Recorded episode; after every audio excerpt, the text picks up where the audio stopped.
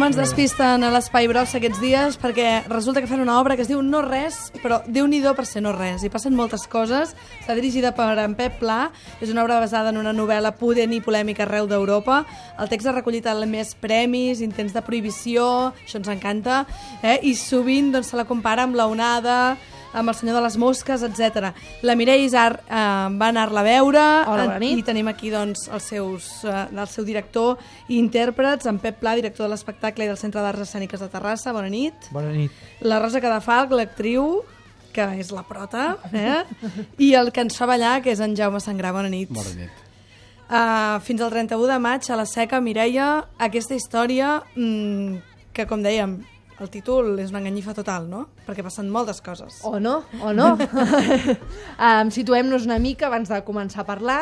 Estem a un institut, uns nanos adolescents, no sabem gaire a quina edat, um, i un d'aquests uh, nois diu que que la vida no, res importa, res té valor i per tant, escolta, que deixa l'escola i apa, adeu-siau, ja ens veurem, no? Mm -hmm. I, I això ens ho explica la Rosa al cap de molts anys, ella ho va viure com a nena i ens explica quin impacte va generar aquesta actitud d'aquest noi a tota la seva classe i què va fer la classe eh, per convèncer aquest nen que la vida sí que tenia sentit. I això és el que anem veient, que clar, d'entrada sembla un plantejament molt bonic, no? Una cosa uh, solidària, altruista, de, de, Sí, de dit- creure dit en la així vida... sembla una mica d'esplai, però Sí. mm, no.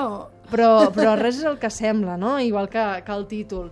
Uh, aquesta obra, com deia la Montse, és una novel·la danesa, vosaltres l'heu agafat, l'heu fet vostra, n'heu fet la dramatúrgia, com va ser aquest procés? Perquè, clar, agafar una novel·la um, que, a més a més, ara ja moltes escoles la fan, la llegiu, és una mica com emblemàtica, i dir, doncs, la convertim en teatre, la destilem... Com va anar aquest procés? Bueno, eh, això vam començar amb la Rosa i jo, eh, abans de començar a incorporar-se el, el Jaume, i vam anar fent lectures, a mi m'agrada molt, jo ho he fet amb les aventures del soldat Sveig, amb el mercader de, de William Shakespeare, així, d'agafar una mica la, la base troncal de, del, del tema, no?, i deixar les, les branques, els branquillons, i centrant-me molt en allò, llavors vam anar esporgant, esporgant, esporgant, i realment d'unes 130 pàgines que té la novel·la vam acabar amb unes 30 pàgines, que són 30 i escaig, que són aquesta hora justa de- d'espectacle, no? perquè volíem que tampoc no fos una cosa molt pesada per, per l'espectador, sinó que fos aquest conte moral eh, cruel, que és eh, no res. No? Una mica Haneke, eh? Sí, Una mica Haneke, per Una explicar-ho d'alguna manera, sí, perquè la sí, gent sí. sàpiga què es trobarà, que no es Vas bé, pensi vas bé. que anem allí a agafar uns nens d'institut i a convèncer-los de que com mola el col·le, eh? No, la cosa va una mica més Al enllà. principi és bonic, va de sandàlies, però al final hi ha molta violència, podríem dir. Sí, suposo que els nens acaben agafant un, la cara perversa també de les criatures, no? de que si els valors no, no els tenim clars ni els adults, els nens a vegades comencen amb una cosa material que sembla que és el que més els importa, doncs tenir un joguet, tenir unes sabates i, i mica en mica van buscant eh, algunes coses que per ells són més importants, sobretot el que són importants per l'altra persona, no? I, i, i bé, aquest joc en aquests nens es va, es va pervertint i es va pervertint perquè potser no tenen uns valors que, que, que, que és on el que els hi donaria significació a la seva vida i després quan mm. tot basem amb les, amb les coses materials doncs els nens també es van pervertint per buscar un significat a tot plegat i... Sí, ells mateixos se n'acaben adonant que potser aquest noi, company seu, tenia part de raó, no? Perquè al final, per trobar allò que té significat, han d'anar molt enllà, fer coses que tots ens, eh, bueno, ens, ens esgarrifem, no? Perquè ja res els sembla que té prou valor. Jo crec que... Bueno, no, no sé si que ho no, hem no, no sé explicat. que, si ho hem podem dir explicat. que, i què podem dir i què no podem Sí, dir, eh? Per això també que no hem- no hem compte. Avui s'ha acabat Mad Men, però estem fent un spoiler, estem fent un spoiler del no res Exacte, sense fer spoiler, em sembla que no, no hem explicat que els nens aquests decideixen fer una pila de significació, o sigui, una pila de coses que tinguin importància per a ells, per demostrar-li al Pierre Anton, que és el que s'ha enfilat a una pronera i ha decidit que no res valia la pena, i llavors al, al anar posant aquests objectes, cada vegada aquests objectes es van tornant des dels més personals o els que els agraden més amb ells, amb objectes que socialment són importants. Llavors vol dir ja el Sant Cristo Gros, la bandera, la pàtria, o sigui, tot, tots els tòtems socials que els adults tenen com a importants. Ells ho, porten, ho posen a la pila. Llavors van més, més enllà, més enllà, i si busqueu a YouTube la Jen Teller, poseu Jen Teller no res, mm -hmm. eh, surt l'autora explicant això de com ens podem convertir en hooligans eh, quan no tenim valors, quan no tenim el per què d'aquesta significació, quan ningú ens el dona. Aquests nens no, no s'ha atrevit a preguntar-ho als adults, perquè hi ha una de les nenes que ho diu, diu que els adults no en volen saber res de la significació, nosaltres no els hi podem explicar res. Per tant, ho hem de trobar nosaltres sols, i es troben absolutament desemparats, i comença una, una onada, diguéssim, també de, de, de violència, no? perquè van, van cada vegada més forts. No? Això, fins aquí podem dir. És com, es, com explicar una mica el fonamentalisme, ara que ens Exacte. sentim a parlar tant, no? doncs explicar-ho des, de, des del col·le, que no sé si vosaltres, també en Jaume, quan estàveu allà interpretant el paper, o ella mateixa, si teníeu els vostres records de col·legi, també, no?, una miqueta. És a dir, si fent això també recordava una mica moments d'aquests, eh, no dic que féssiu no, piles de, com de aquestes, voler pertanyar però... a un grup, no? això, aquesta pressió del Mhm. grup també hi és molt en aquesta Mhm. història. Sí, perquè els temps socials són els que són i després hi ha un seguit de pilars que tots hi hem passat per allà, no? El, el qüestionar-se la religió, la política, les relacions amb els companys de classe, tot plegat, això és... I s'altera i que- s'altera el poder, no? Perquè en el moment que treus això, els grans es posen molt nerviosos, no? Clar. Una miqueta? Sí, sí, sí. Sí, sí. sí. Clar, en el moment que els nens demanen als pares què és el sentit de la vida, que és el que diuen, no els hi podem explicar perquè la gent diu, no, això són coses massa, en el fons, qualitat massa complicades no, per explicar i els nens ho necessiten, uh. -huh. almenys és el que diuen, no, no els hi podem preguntar aquestes coses perquè ells estan molt enfeinats, els Per, pares. per mi és un conte moral cruel, però lo, lo bonic o excepcional que té és que no queda tancat. O sigui, t'ho deixa obert dient tu tria i escull, no?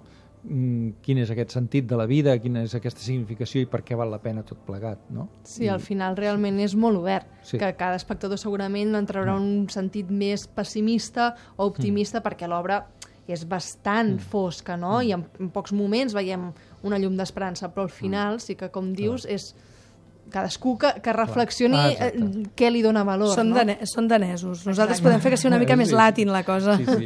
Per cert, que, no, que, que la música de l'espectacle també heu fet una recerca perquè soni música nòrdica. No sé ara quina, quin, Anem a quin sentir dels els grups... Everklang, no? Era? But we're all afraid it will play your hands. Perquè tampoc ho hem explicat, la música és molt important a l'espectacle, acompanyada eh, o, o, o bé, o per fer de base del moviment d'en Jaume Sangrà, que no tens text, però tens molta presència, i sí. fas entre ball, teatre gestual...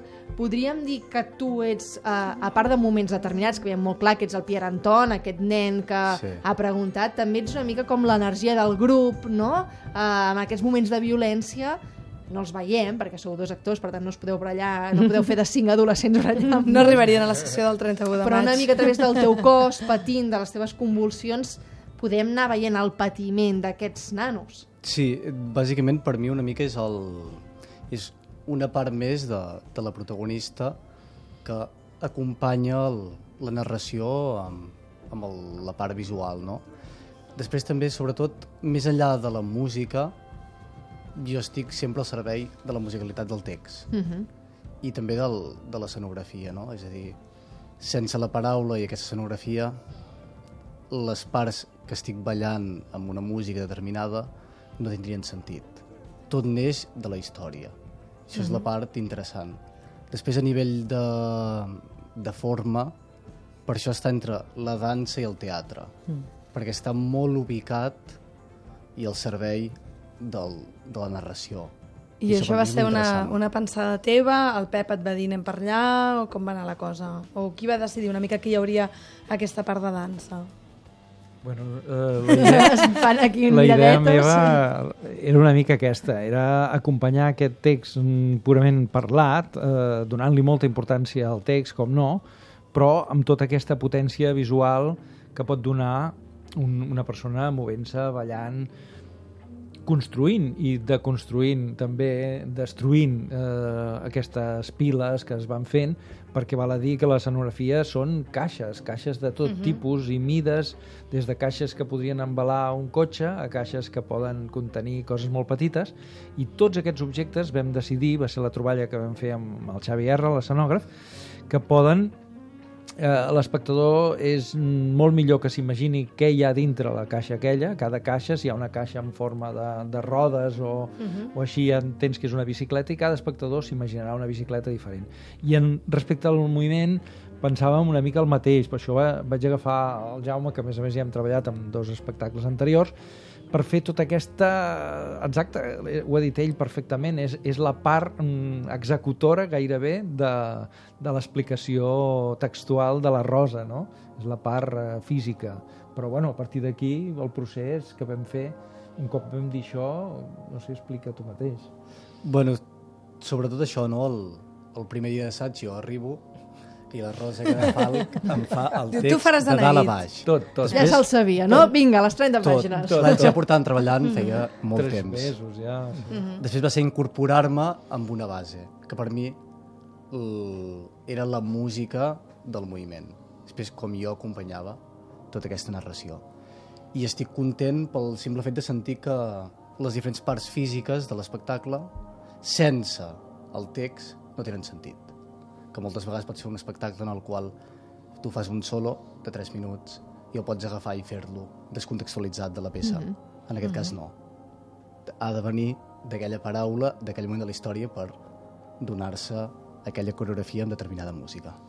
Home, aquesta barreja de gèneres i expressivitat no podia faltar en un espectacle del director del TNT, no? Suposo que hagués Que li sigut... va, li va la dinamita, ho Ens sabem. agrada, ens agrada. Uh, Rosa, no sé si tu havies treballat mai amb un llenguatge, que, es- ai, amb un espectacle que es barregessin llenguatges, a més a més també bé, t'has d'embrutar, has de jugar amb aigua, ja feu servir diferents recursos perquè hi hagi aquesta plasticitat en escena. Jo he treballat amb alguna cosa diferent. El que passa que i a vegades no treballes perquè no tens l'oportunitat. Jo investigar sobre amb aquestes coses, inclús teòricament jo havia de fer més coses gestuals i tot plegat, però va, llavors tens el Jaume Sangrà al costat, que es mou de la manera que es mou. Que I al dius, final "Sí, acabes, que estar." clar, acaba, eh, t'acabes reduint a, a una veu i a intentar expressar tot el que pots amb el, amb el text, no? Però si poguéssim investigar molt més amb, amb, amb el gest, amb, les, amb, amb els materials diferents i tot això, per mi és molt més ric i, i m'agrada molt, m'agrada molt poder-ho fer. I llàstima que, que, que, que no, es, no es fa prou potser en el nostre àmbit i que, o que sempre, si t'ofereixen una cosa, sempre és un text parlat, de senyora sèria, de, de molt convencional i A tal. partir i- d'ara us ho està demanant a crits, eh? La Rosa Cadafal, feu-li feu jo cas. embrutar-me, em sembla que ens agrada a molts actors i actrius, eh, això, Exacte. aquestes coses, però i a vegades no tens l'oportunitat de fer-ho.